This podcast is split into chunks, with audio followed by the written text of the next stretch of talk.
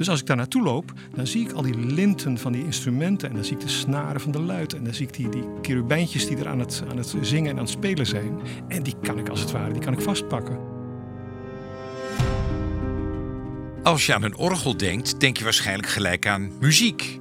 Maar het orgel in de Nieuwe Kerk is een feest voor alle zintuigen. Het is een topstuk binnen een topstuk.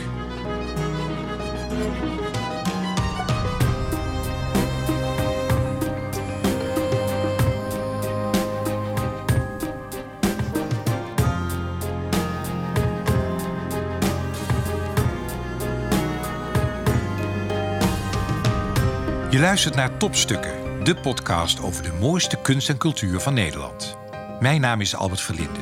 In elke aflevering praat ik met een expert van een museum of een andere culturele instelling in Nederland en stel ik de vraag: wat is jouw persoonlijke topstuk?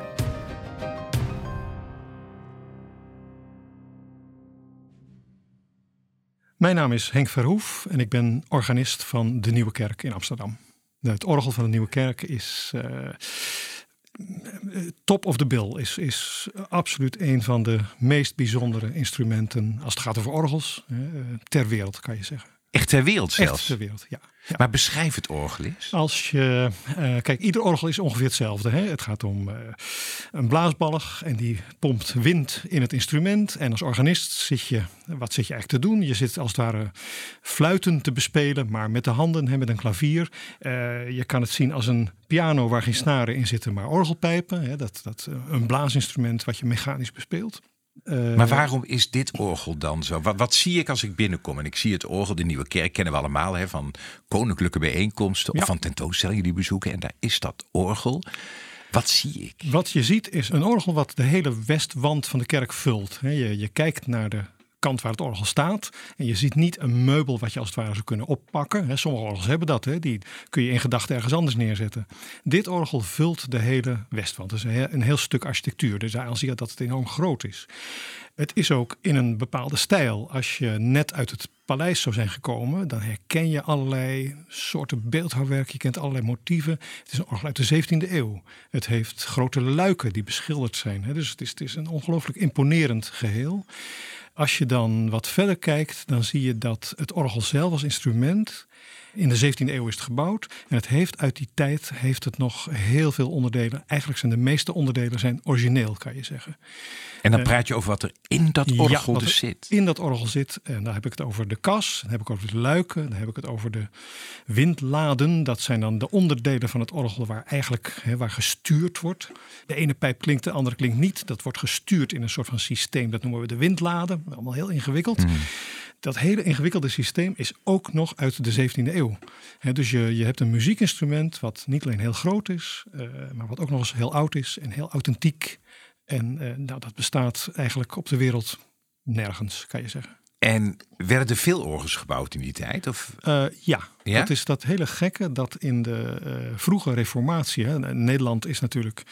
De republiek is halverwege de 17e eeuw protestants, kan je zeggen. En de reformatie is nog niet zo oud.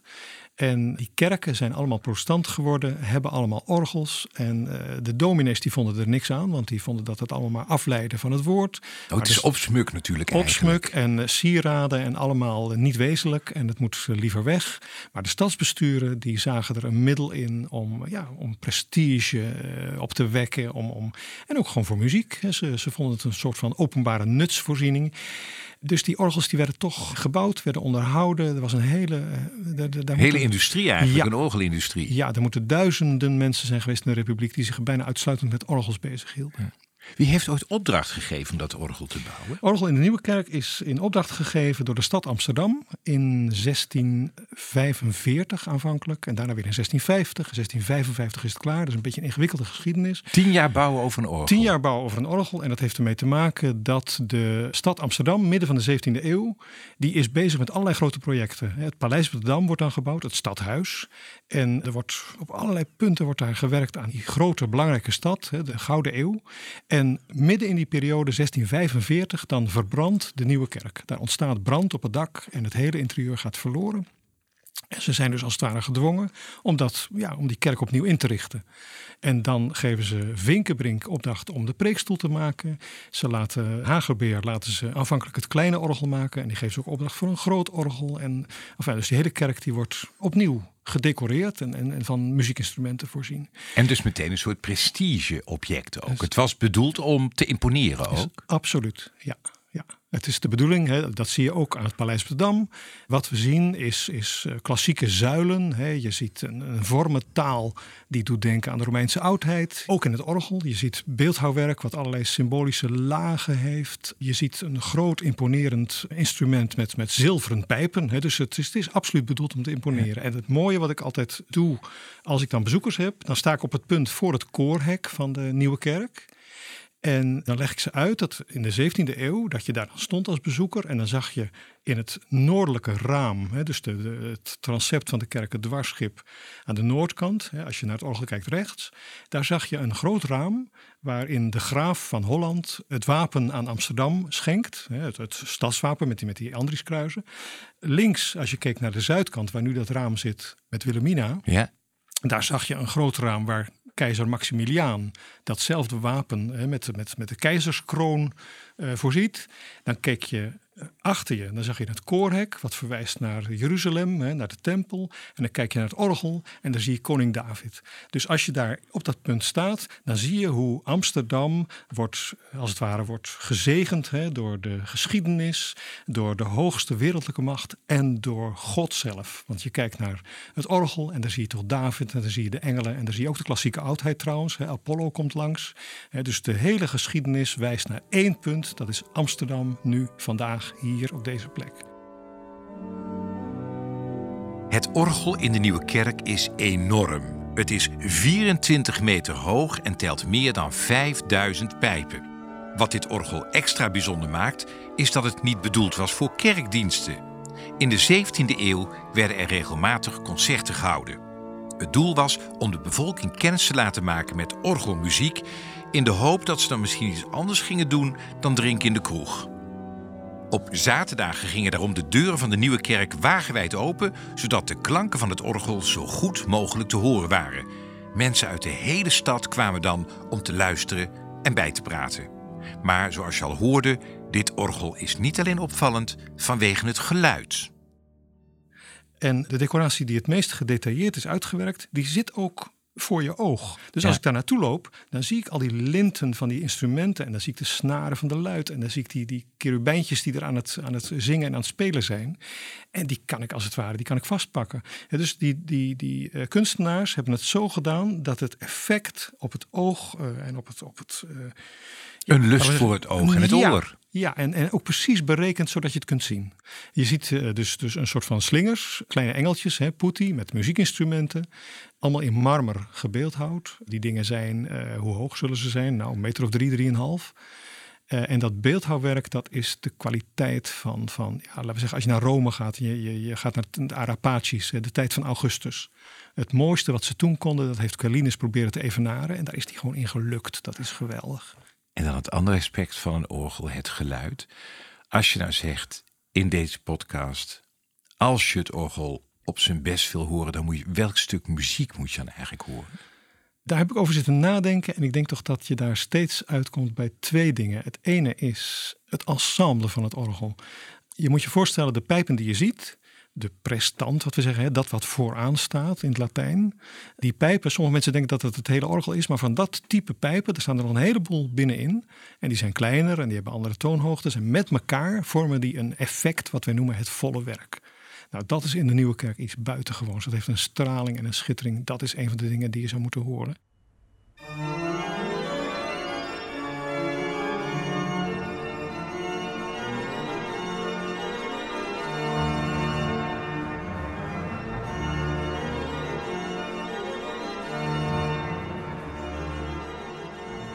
Andere is dat uh, in een orgel zitten pijpen die nog weer anders van constructie zijn. Dat voert misschien heel ver om dat uit te leggen. Maar die klinken als een trompet, of die klinken als een hobo, of die klinken als een saxofoon, bij wijze van spreken. Die werken ook echt zo. Hè. Die werken met een tong die tegen een plaatje slaat en die, die een soort van knetterend geluid geeft. Um, die klasse van pijpen die is heel bijzonder en die is ook in de geschiedenis vaak aan veranderingen onderhevig. En daarvan hebben we in de Nieuwe Kerk vijf complete rijen uit de 17e eeuw. Ook zoiets wat, wat nergens bestaat. En één daarvan is de zogenaamde Vox Humana, de 17e eeuwse imitatie van de menselijke stem, de Vox Humana in het Latijn. En die Vox Humana is uit de 17e eeuw intact, werkt zoals hij in de 17e eeuw gewerkt heeft. Vondel, Hoofd en Huygens hebben zich al over deze pijpen, bij wijze van spreken, verwonderd en hebben al gezegd hoe mooi ze waren. En we kunnen ze vandaag de dag nog altijd beluisteren. En dat is ook een van de effecten die ik, als het even kan, in een concert stop. Dat in ieder geval die Vox Humana even klinkt.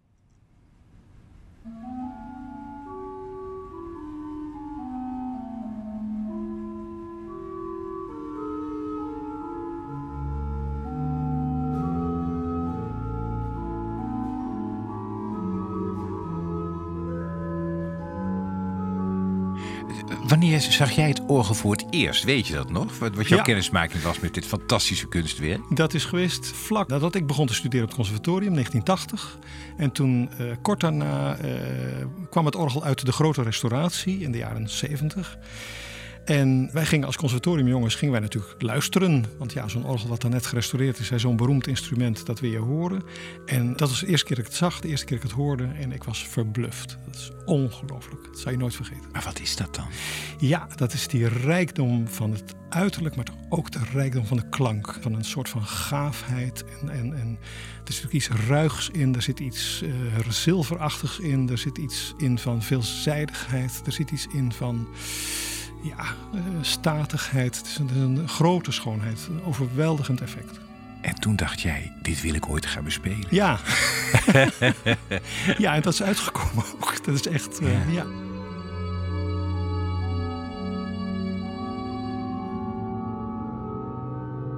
Ja, het, het, probleem is dat in heel veel kerken uh, het gebruik van die orgels is een probleem op zich. Hoe bedoel je dat? Nou, die orgels die hangen daar. En dat is dan toch, voor veel mensen is het iets van, nou ja, een beetje afstandelijk, een beetje ver, een beetje imponerend. Een beetje, uh, terwijl ik denk, ja, het zijn in principe muziekinstrumenten die je gewoon moet bespelen. Het orgel heeft soms wat last nog van de connotatie dat het een kerkinstrument is. Heel veel mensen hebben niks met kerk en vinden dan dat zo'n orgel ook. Ja, ze kennen het ook vaak niet. Hm. Iemand die niet opgroeit in een kerk, die, niet, niet, ja, die hoort zo'n orgel misschien zelden of nooit. Maar zeg je dus eigenlijk dat de grootsheid van het orgel, het monumentale, dat dat de toegankelijkheid een beetje in de weg staat? Ja, zo is het vaak. Ja, ja. Het is ontzettend uh, lastig en ik vind het ook wel een taak voor mezelf om uh, dat orgel als het ware open te leggen. Om dat te bespelen zodanig dat mensen snappen dat ik doe het voor hun. Zij moeten luisteren. Of ja, ik hoop dat ze willen luisteren, laat ik het zo zeggen. En ik probeer ze uit te nodigen om in die klank te duiken, die immers zo, uh, ja, waar ik al mijn hele leven door gefascineerd ben. En al die mogelijkheden en al die muziek die je kan maken met zo'n instrument. Dus dat imponerende karakter, dat is er. En dat vind ik ook iets wat je echt kunt gebruiken. Hè. Er zijn altijd luisteraars die willen dat ik in een concert het volle orgel bespeel. Vol op het orgel, de ja, beroemde, zitten, beroemde gezegde. Ja, en die zitten het liefst zitten ze vlak eronder dat het geluid ze werkelijk wegblaast. En er zijn ook altijd mensen die zeggen, nou nee, ja, dat je zo zacht speelt, dat vind ik heel mooi. Dus ik probeer het eigenlijk altijd allebei te doen en toch ook muziek te spelen. Ja, die, die mensen uitnodigt, daar gaat het om. Ik wil met jou naar het orgel toe, hè, want jij gaat daar spelen. Is dat dan kruipsluip naar boven toe? Hoe komen we daar? Nee, dat valt juist erg mee. De grap is dat de Nieuwe Kerk heeft in die hele campagne dat het orgel gebouwd werd, waren er ook plannen voor een toren. En die toren die is nooit afgekomen, maar wat wel is afgekomen, dat zijn de eerste trapjes, de eerste trappen naar die toren, die heel ambitieus is opgezet. En die trap naar het orgel, dat is dus een fantastisch mooi natuurstenen geheel waar je ja, in een soort van 17e eeuwse neogotische toestand ga je naar boven. Dus dat is, dat is wel buitengewoon. Dan ga je een paar deurtjes door en dan kom je op dat orgelbalkon, wat dan verrassend klein is. Het is daar. Het staat vol met orgel natuurlijk. Nou ja, en er zit rond de organist, waar de organist is, is eigenlijk nauwelijks ruimte. Nee. Dat duidt er dan weer op dat het orgel echt bedoeld is om te bespelen bij een concert. Het is, het is niet de bedoeling dat je daar allerlei koren neerzet en zelfs één violist kan er nauwelijks staan. En dan kom je bij de klavieren en dan zal ik misschien eerst uitleggen dat dit de toetsen zijn die je bespeelt. Er is een pedaalklavier, er zijn een heleboel knoppen die in de Nieuwe Kerk van koper zijn, hè, glimmend messing. En die knoppen die bedienen de verschillende geluiden. Nou, dan kan je al zien dat eh, de manier waarop ik die knoppen bedien, die heeft iets heel gecompliceerds. Die moet ik in- en uithaken. Dat heeft dan weer te maken met het Tijdens het 17e eeuwse spelen? Ja, tijdens het spelen. Als ik, dat, als ik dat geluid wil veranderen, moet ik die knoppen bedienen. En die gaan met, met in- en uithaken. Dat is een gecompliceerd systeem. Maar we leven in tijd van, van eh, fitness en van... eh, als ik aan de organist denk, denk ik... en je moet met je voeten natuurlijk... moet je zorgen dat lucht in blijft gaan, toch? In het Ja, orgel, anders ja. komt er geen geluid uit. Ja. En je moet met de toetsen spelen dat er melodie komt. En je moet dan ook nog eens een keer... Je moet de registers ook Je zitten. zit ja. gewoon al je, eh, al, al je lichaamsdelen te gebruiken. Wat ik mooi vind om te zien, want je, je, je praat hartstikke gepassioneerd over het orgel, maar nu deed je voor dat je dan zo zit te spelen, dan zie je ineens jouw, jouw handen en je vingers zie je ook in de vormen van, ja, ineens zie je alsof je aan het spelen bent.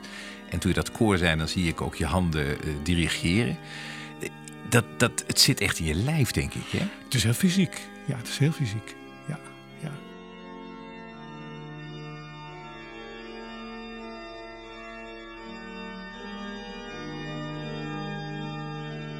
Hoe prachtig het orgel ook klinkt en hoe mooi het er ook uitziet, het is niet vanzelfsprekend dat het topstuk er nog precies zo bij staat als drie en een halve eeuw geleden.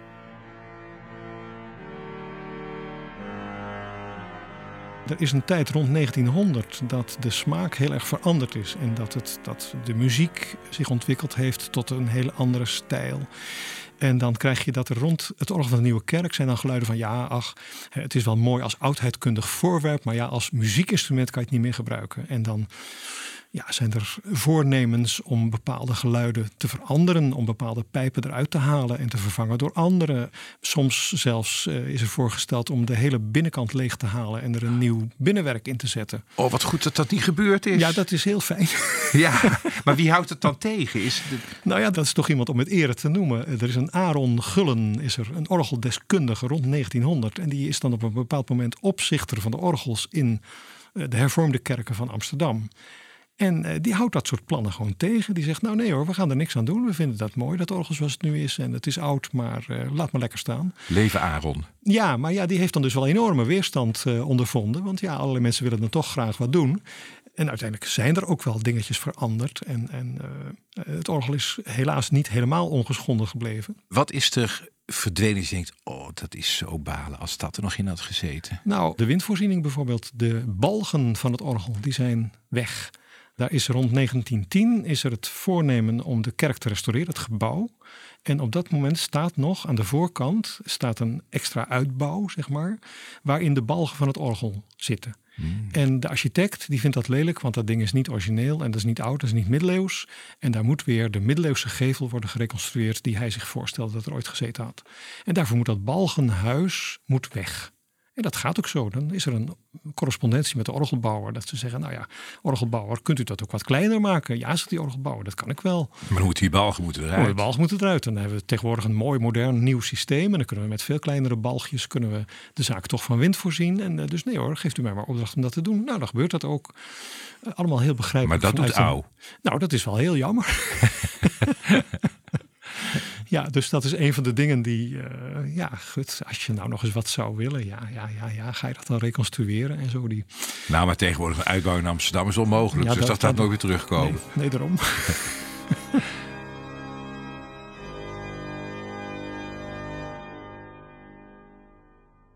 Henk was nog geen tien jaar oud toen hij begon met orgelspelen. Zijn vader dirigeerde het kerkkoor en kleine Henk zat op de bank naast de organist. Sindsdien heeft het instrument hem niet meer losgelaten en wist hij gewoon wat hij later wilde worden: organist. Na jaren is het moment eindelijk daar. Hij mag plaatsnemen achter het orgel in de nieuwe kerk en het echt bespelen. Ja, ja, dat is geweest in eh, 87, mijn eindexamen eh, conservatorium. Toen kon ik het zo organiseren dat ik een deel van dat eindexamen speelde in de Nieuwe Kerk. Dat was mijn eerste keer dat ik daar echt, ja, echt kon spelen, echt studeren, echt dat, dat, dat eindexamen voorbereiden. De klank heeft mij nooit teleurgesteld, ook toen niet. Dat heeft me altijd gefascineerd. Maar het is wel alsof je een grote vrachtwagen gaat besturen. Hè? Dat je hebt je autorijlessen. En dan, eh, nou ja, de eerste keer eh, in het vrij, dat is toch echt heel apart. Dus je moest ontzettend wennen aan de klaviatuur. Ik moest erg, eh, ja, dat, dat, dat, orgel me eigen maken. Je kan er niet gewoon maar gaan zitten spelen. Dat is gek, hè? Want dan denk je, zo'n orgel, dat is toch een apparaat. Hè? Dat is toch iets dat is ongevoelig en dat, dat, dat is een kwestie van aan uit. Maar het blijkt dus toch een verfijnd mechanisme te zijn. In al zijn grootheid. Ja. Je hoorde Henk Verhoef en het hoofdorgel van de Nieuwe Kerk. En dit was Topstukken, aangeboden door de Vriendenloterij, de cultuurloterij van Nederland.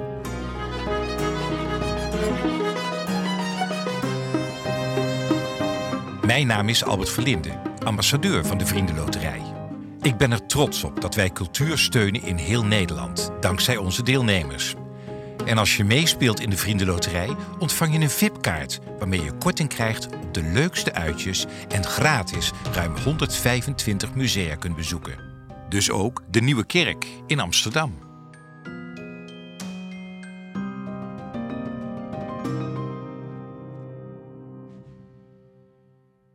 Benieuwd naar meer mooie verhalen?